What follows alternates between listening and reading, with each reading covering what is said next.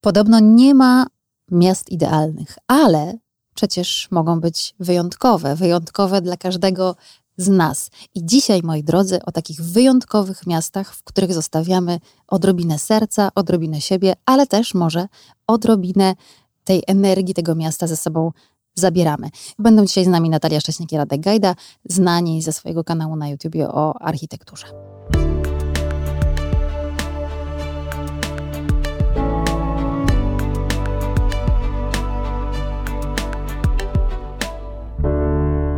Dzień dobry, dzień dobry Karolino, witam cię serdecznie. Jak twój tydzień? Bardzo dobrze. Zaczyna się dziać. Miasto wraca do swojego standardowego powakacyjnego rytmu. To dobrze, prawda? Witamy dzisiaj naszych gości. Fantastycznie ich mieć, prawda? Fantastycznie jest y, poczuć od razu w pokoju energię z innego miasta i o tym, jak te miasta się wzajemnie energią wymieniają, będziemy dzisiaj rozmawiać.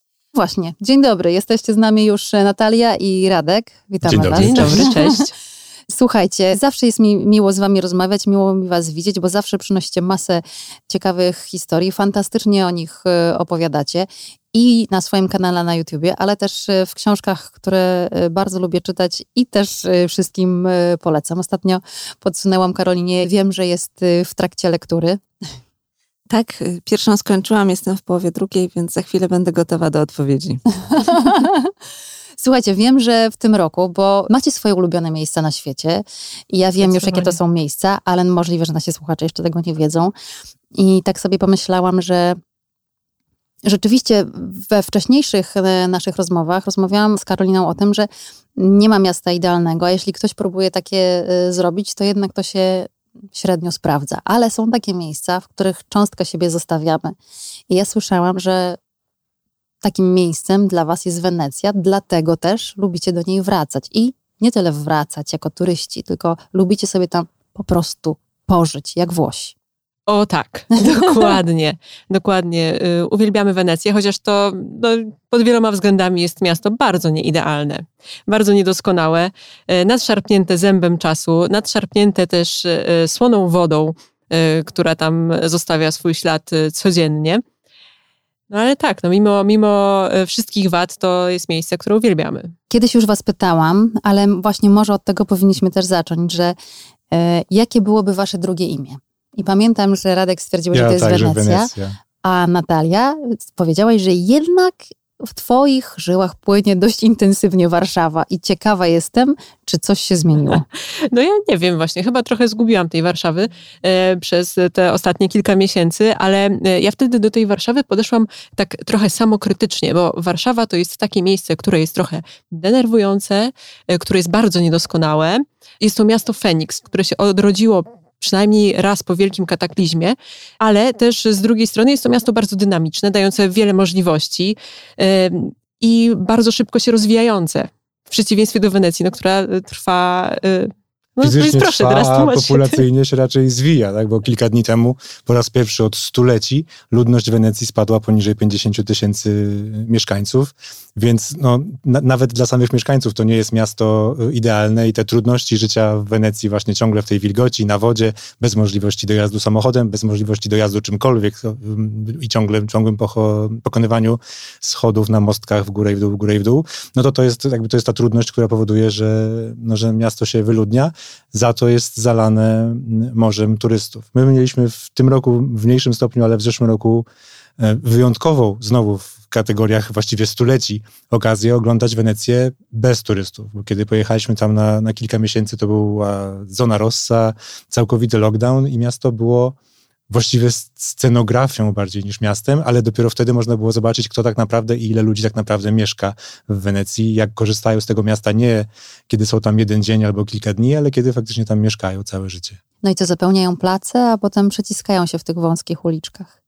Tak, to też mogliśmy zobaczyć, jak bardzo ważną przestrzenią w mieście jest plac mm. właśnie, że, że plac to jest to, to forum, ta, ta scena życia społecznego. Kiedy nie było turystów, kiedy prawdziwi mieszkańcy mogli korzystać z tych placów, no to okazało się, że to jest takie przedłużenie ich salonu, że oni tam się spotykają, żyją na tych placach, a nie tylko robią fotkę i idą dalej. Myśląc o Wenecji, zastanawiam się nad tym, że to jest taki przykład miasta bardzo intensywnego, ale nie tylko pod względem emocji czy zapachów, ale także pod względem intensywności zabudowy. Mówi się o tym, że dobre miasta to miasta zwarte, gęste, zabudowane tak, aby się jak najmniej rozlewać. I Wenecja jest takim przykładem, który chyba od stuleci trenuje już tę koncepcję urbanistyczną. I jak ją się odczuwa wtedy, kiedy mieszka się w tego typu tkance miejskiej, jak mieszkaniec? Dla mnie to było bardzo przyjemne doświadczenie. Y, ja lubię miasta, lubię środowisko miejskie y, i wydaje mi się, że Wenecja mm, ma wspaniałe przestrzenie publiczne i to, że właśnie jest tam ten kontrast bardzo wąskich uliczek i nieco szerszych placów. Dzięki temu jest to miasto, które dostarcza wielu emocji z jednej strony jesteśmy, możemy być czasami nim trochę przytłoczeni, a z drugiej strony daje ten oddech i daje też oddech podczas przemieszczania się, kiedy wsiadamy y, na łódkę, wsiadamy do y, komunikacji y, publicznej, czyli do Vaporetto, no to wtedy wypływamy na lagunę i też ma ten oddech właśnie tam ale też trzeba powiedzieć, że Wenecja jest ekstremalnie gęsto zabudowana i że wiele mieszkań na tych y, najniższych czy na środkowych piętrach po prostu jest puste. Szczególnie mm, z tego powodu, że y, Wenecja się wyludnia, jest tam coraz mniej mieszkańców y, i też widać to po mieście wieczorem, gdzie te światła są zapalone, a gdzie jest zupełnie ciemno i mm, ciemno jest tam, gdzie jest ciemno też za dnia, czyli w tych właśnie wąskich uliczkach na niskich piętrach, które jeszcze dodatkowo mogą być zalewane y, wodą, mm, jak jest aqua alta. Tak więc to na pewno może być męczące. My akurat nie mieliśmy mieszkania w y, męczącym miejscu, mieliśmy w gęstej zabudowie, owszem, ale z widokiem na kanał. Mm. Tak więc yy, wydaje mi się, że, że taki balans właśnie tej gęstości zabudowy, przy tym, żeby jednak była ładna architektura za oknem, coś ciekawego, żeby się działo, że mm, jest dużo miejsc takiego balansu właśnie y, i tej dużej gęstości i y, ciekawych widoków i przyjemności życia. To, że można pójść do sklepu y, po bułki, załatwić wszystko w promieniu 150 metrów od swojego mieszkania, no to jest y, fantastyczne. Podróżujecie dużo, interesujecie się architekturą, miastem, jak ono żyje. Napisaliście książkę właśnie trochę, jak czytać miasto, prawda? Y, swoją pierwszą. I, I zastanawiam się, dlaczego w tym wszystkim właśnie Wenecja? Ja byłem pierwszy raz w Wenecji chyba w 2004 roku i pojechaliśmy z mm, kolegą ze studiów na Biennale Architektury. Jakby zobaczyliśmy w Teleekspresie, że jest wielka wystawa architektury, to choć pojedziemy, pojechaliśmy. I właśnie jakby jechaliśmy oglądać architekturę współczesną, ale obaj się zakochaliśmy w tej, też w tej architekturze mm, dawnej, czyli właśnie nie tylko w tej wystawie, na którą pojechaliśmy, ale w, w, całym tym kontekście urbanistycznym. I tam jeździłem co dwa lata właśnie na kolejne biennale. Potem zaczęliśmy jeździć razem z Natalią.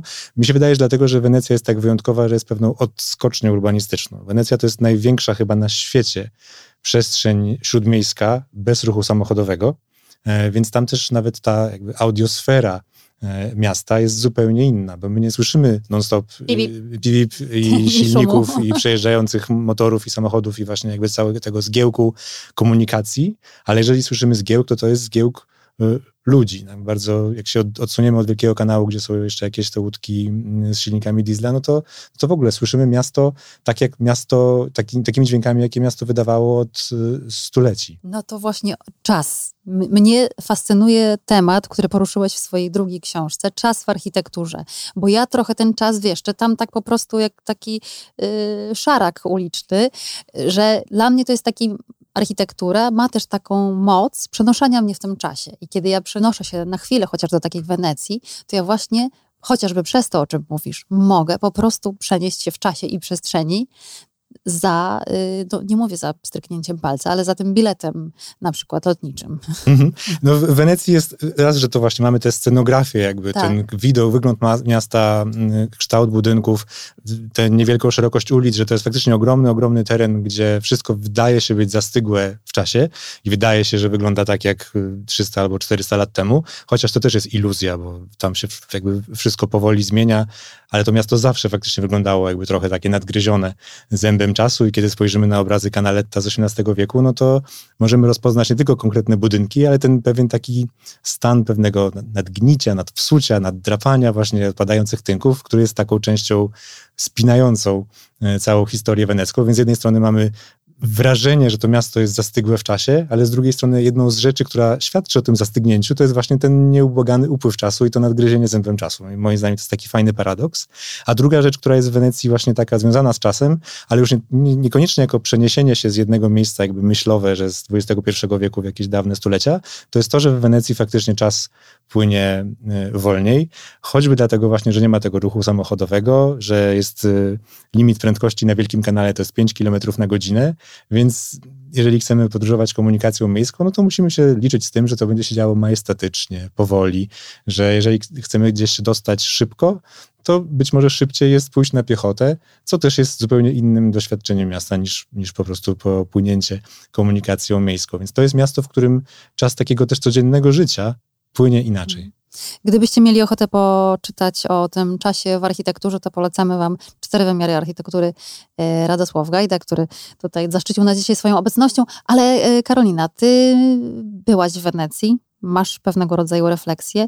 Lubisz to miasto? Dobrze się tam czujesz? Wenecja była dla mnie zawsze takim miejscem bardzo intrygującym.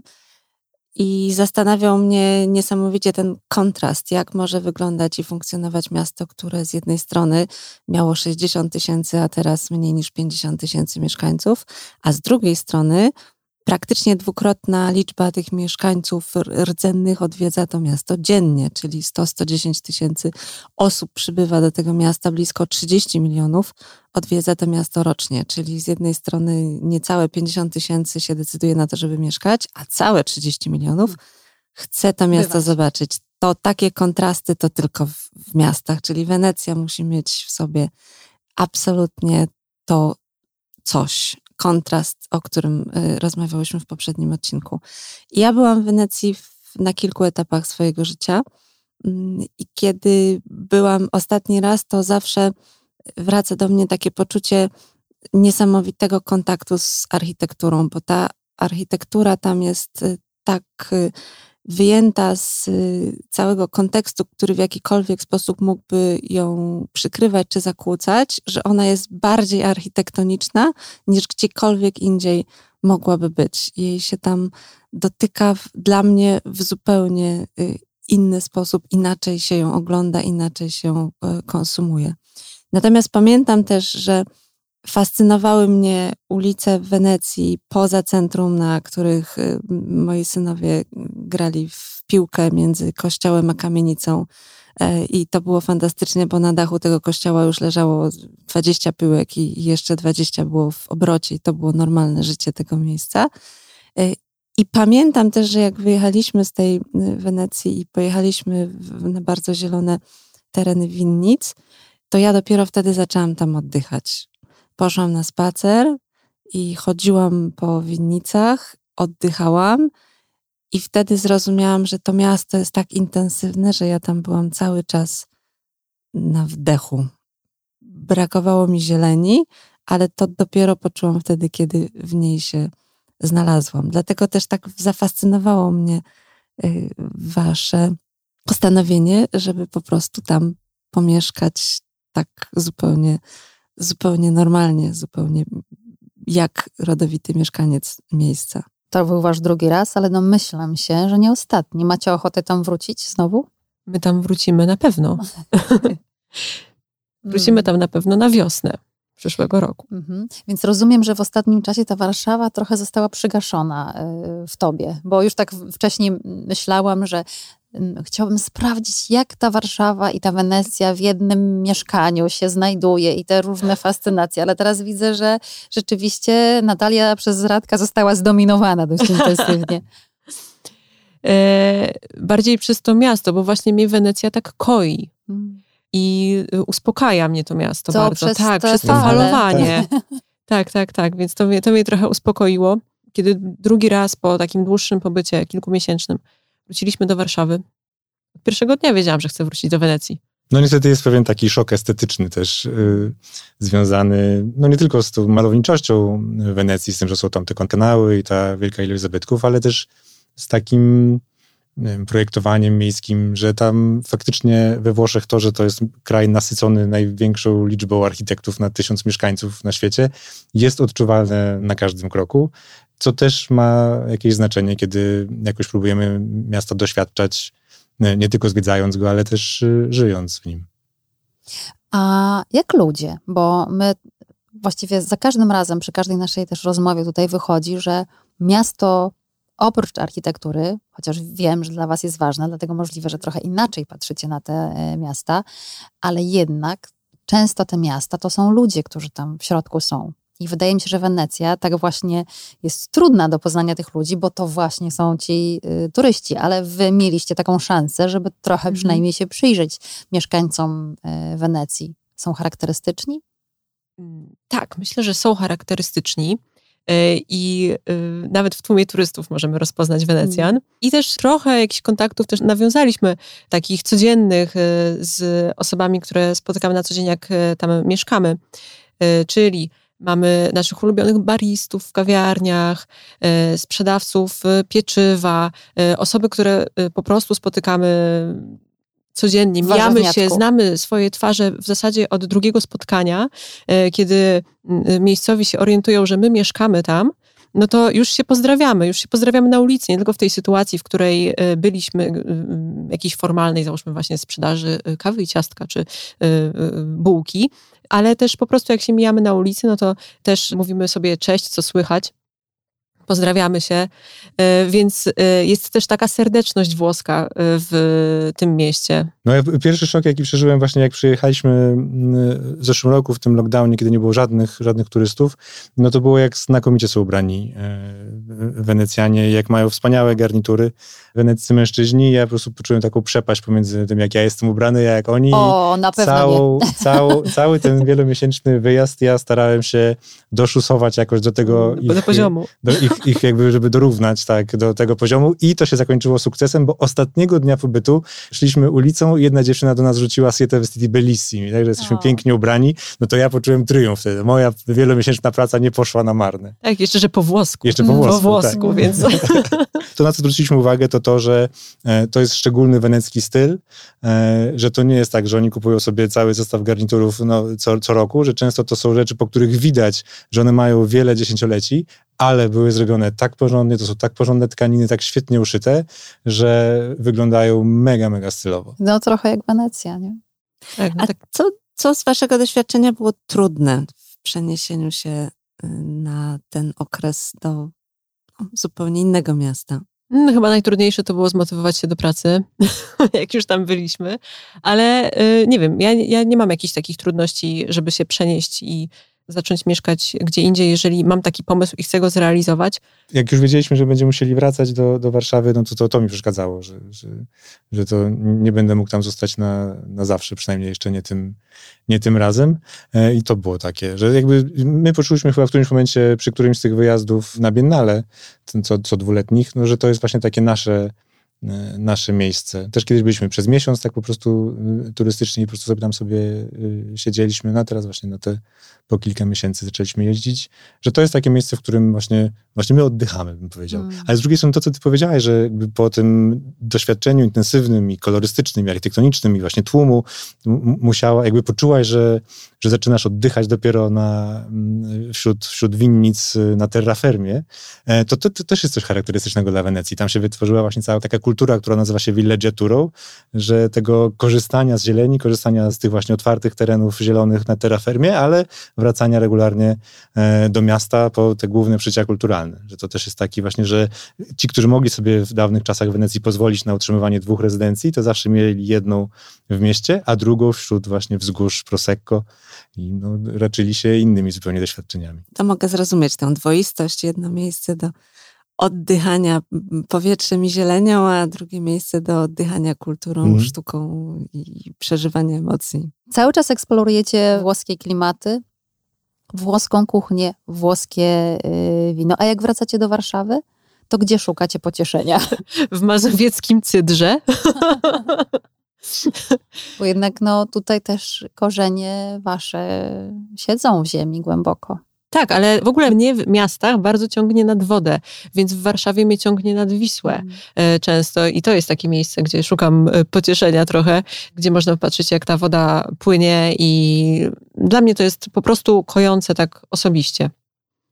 Ja tak zamilkłem, bo tak się zastanawiam. No nie, ja lubię w ogóle miasto. Szczególnie mm. teraz miasto w lecie, jak jest upał, to może być uciążliwe, ale ja tak, to uważam, że, że miasto w lecie albo lato w mieście to jest najfajniejsza pora roku właśnie do takiego y, od, odkrywania, czucia tego y, organizmu właśnie złożonego miejskiego, szczególnie właśnie jak nie ma wszystkich y, mieszkańców, bo są gdzieś na wakacjach, to tak się robi puściej i to jest y, tak, że nawet teraz ta Warszawa, y, która jest niczym potwór Frankensteina, to właśnie to jej postrzywanie z tych różnych kawałków, gdzie każdy ma inną historię, każdy ma inny charakter, każdy ma inną strukturę urbanistyczną, to i to przechodzenie tych granic niewidzialnych pomiędzy tymi różnymi właśnie kawałkami, to jest, to jest bardzo ciekawe doświadczenie i to polecam właśnie odczuwanie Warszawy, szczególnie właśnie w lecie. Tak, ja też to bardzo lubię, bo wtedy trochę można pobyć, bo mam wrażenie, że zimą tak wszyscy trochę przemykają przez miasto, żeby tylko schować się w jakichś ciepłych samochodach, domach,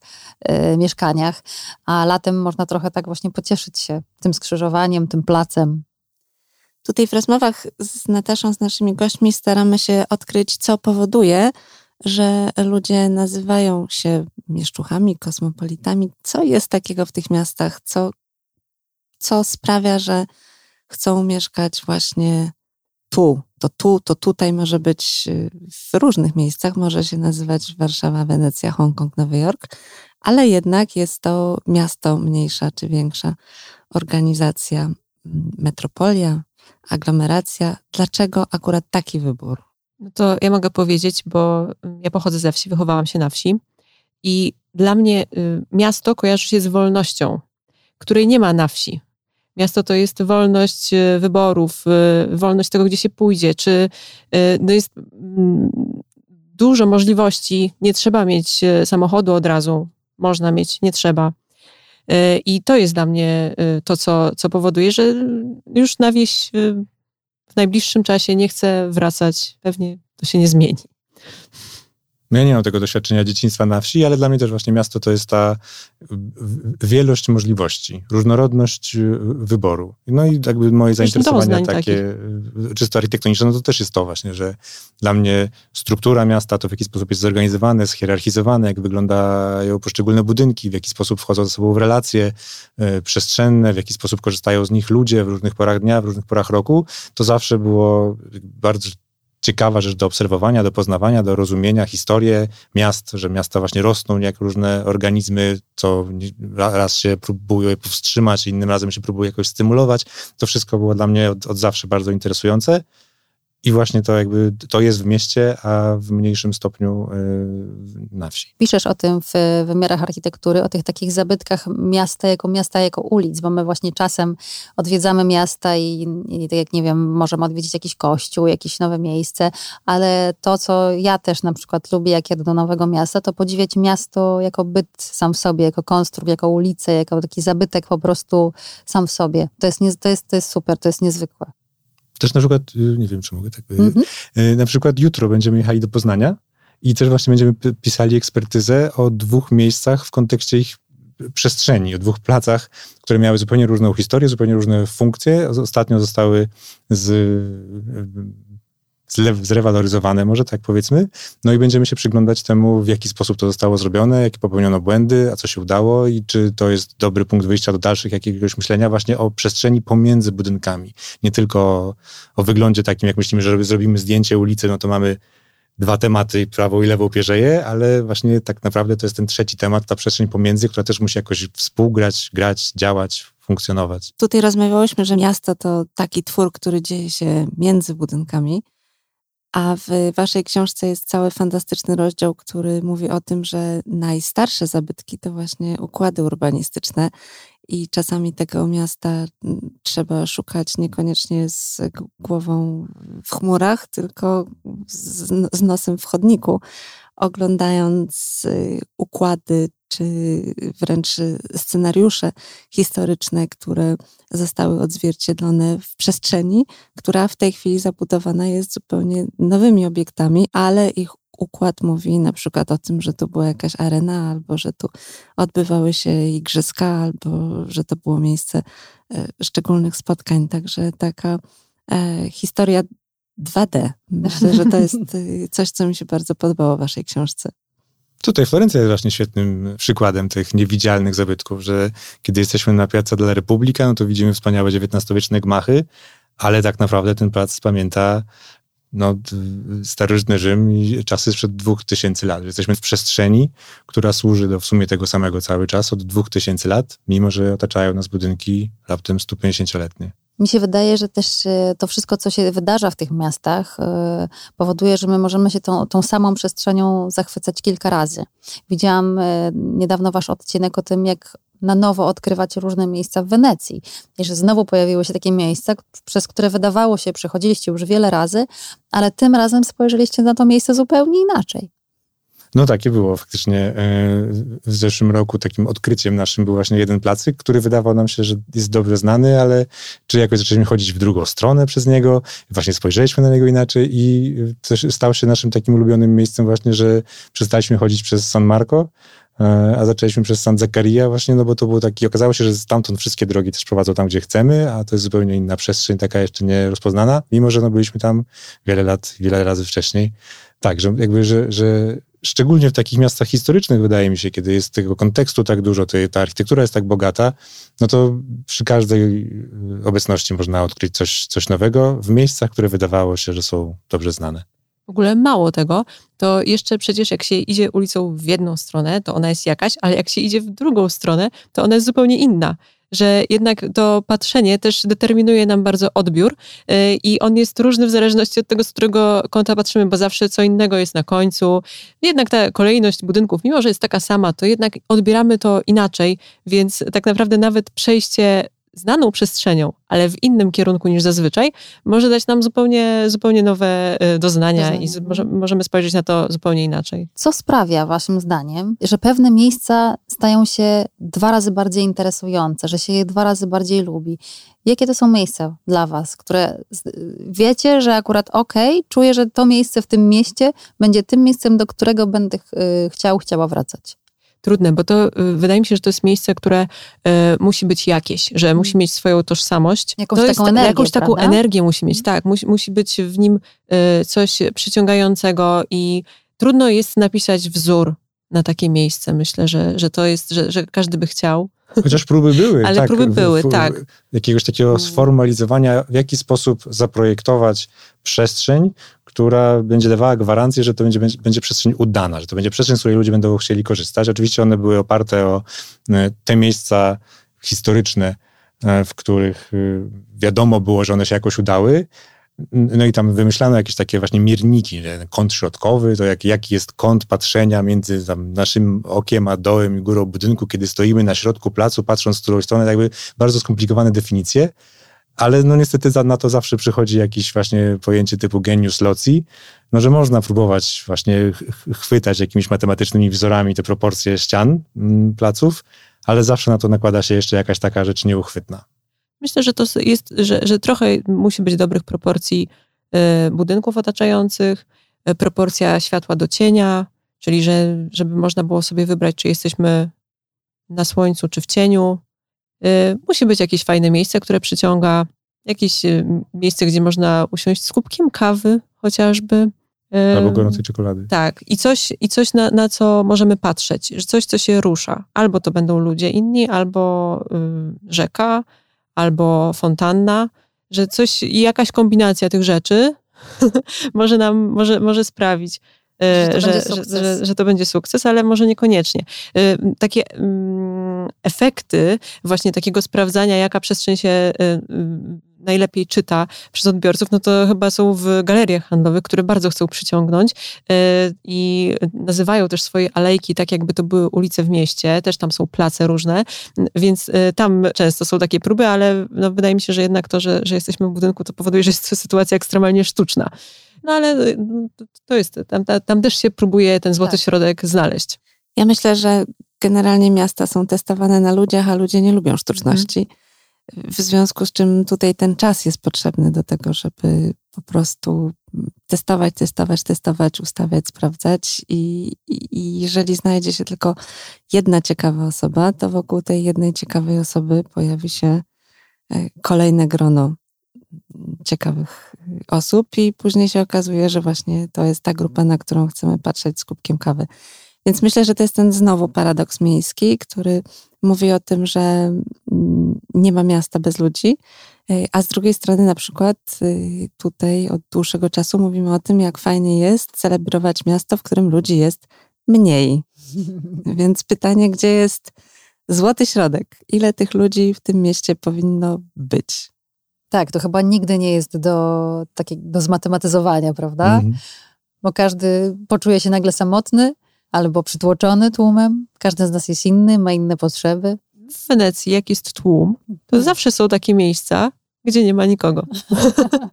Więc można to balansować też w ramach e, jakby jednej sytuacji, ale też myślę, że bardzo trudno jest wlać dokładnie tyle, ile potrzeba. Jeszcze tak zerkam sobie na te twoje wymiary architektury.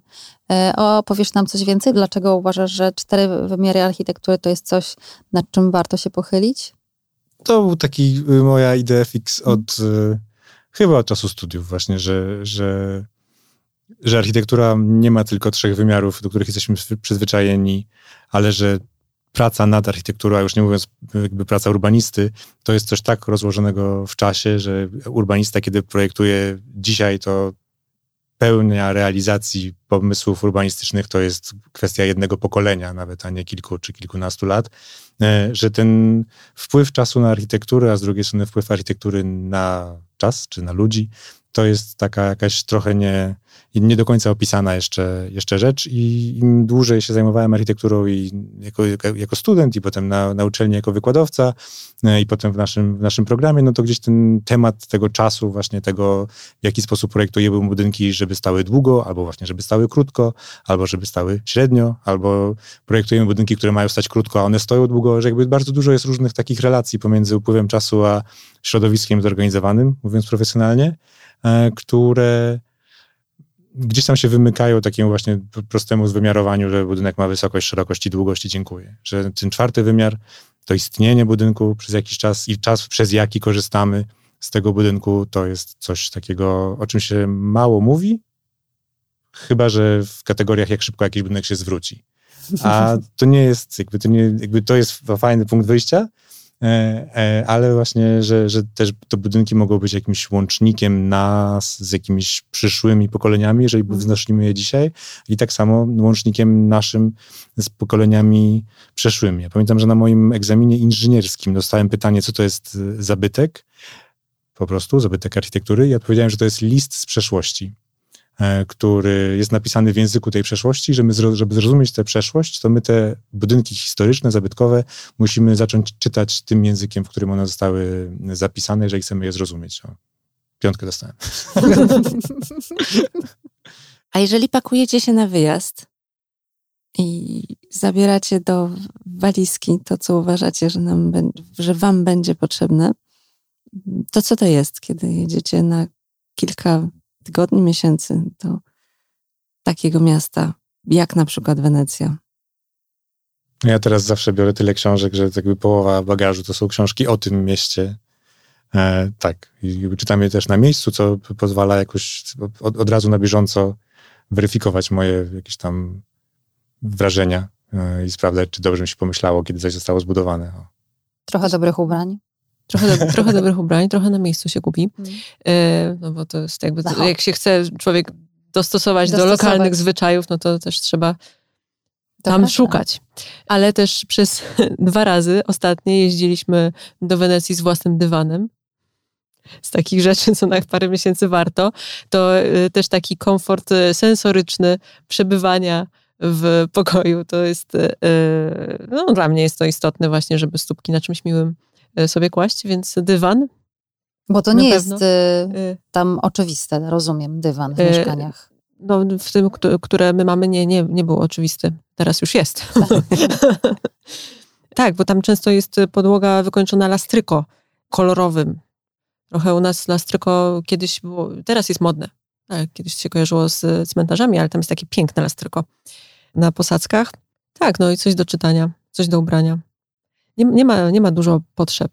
A jak jedziecie tam, to jakie są wasze pierwsze kroki? Jakie już właśnie macie swoje ulubione miejsce, albo kawiarenkę, albo właśnie warzywniak, albo kwiaciarnię, albo sklep? Jakie są wasze pierwsze kroki, jak przyjeżdżacie, zostawiacie walizki i Al Canton del Gallo? tak. I tak, tak, tak.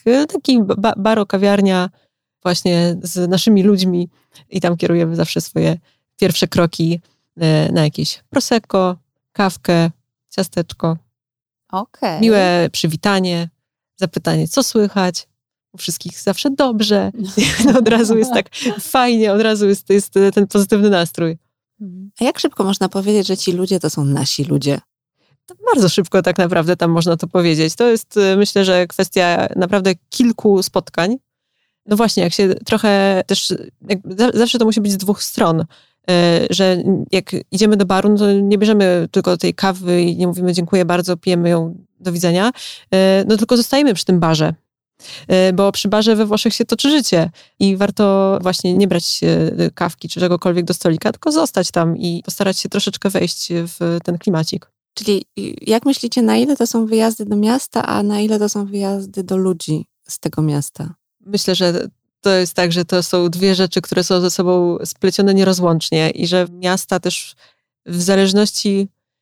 Hmm, ciekawe, ciekawe, ciekawe, czy jest takie powiązanie właśnie, że miasto i jego mieszkańcy y, mają coś ze sobą wspólnego i że właśnie mieszkańcy różnych miast różnią się od siebie tak samo, jak różnią się te miasta.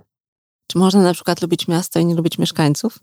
Też ja, ja mam takie doświadczenie z, z, naszych pobytów w Wenecji, że wszystkie te osoby, z którymi jakoś się y, zaznajamiamy, powiedzmy, y, no to one są tak samo zakochane w tym mieście jak my. W sensie, że to jest takie miasto też, które mimo, że spada ta ludność, no to ci, którzy są, to są tego miasta wielkimi fanami, to i jakby, jak zawsze, jak się uda nam porozmawiać trochę dłużej, oni pytają, dlaczego tu przychodzi, przyjeżdżamy tak na długo, bo mówimy, że to jest najpiękniejsze miasto na świecie, no to oni przecież oczywiście, że tak, no, że właśnie od razu wtedy mówią o tym, że to jest, że to życie wolniej płynie, że to jest właśnie takie specyficzne życie, e, że jest zupełnie inaczej niż na reszcie świata i że to jest właśnie ta ich Wenecja i że się cieszą, że, że tu z nimi jesteśmy. Jakby to, Mimo, że... Jak się może nie podobać. Jak się może miejscu. nie podobać. Tak. No bo to wiecie, no te spotkania są pełne miłości wtedy, prawda? Mm, I jakby tak, takiej pozytywnej emocji, która właśnie się gdzieś tam zazębia, umacnia i rośnie i dlatego pewnie też czujecie się z tego powodu tam e, dobrze.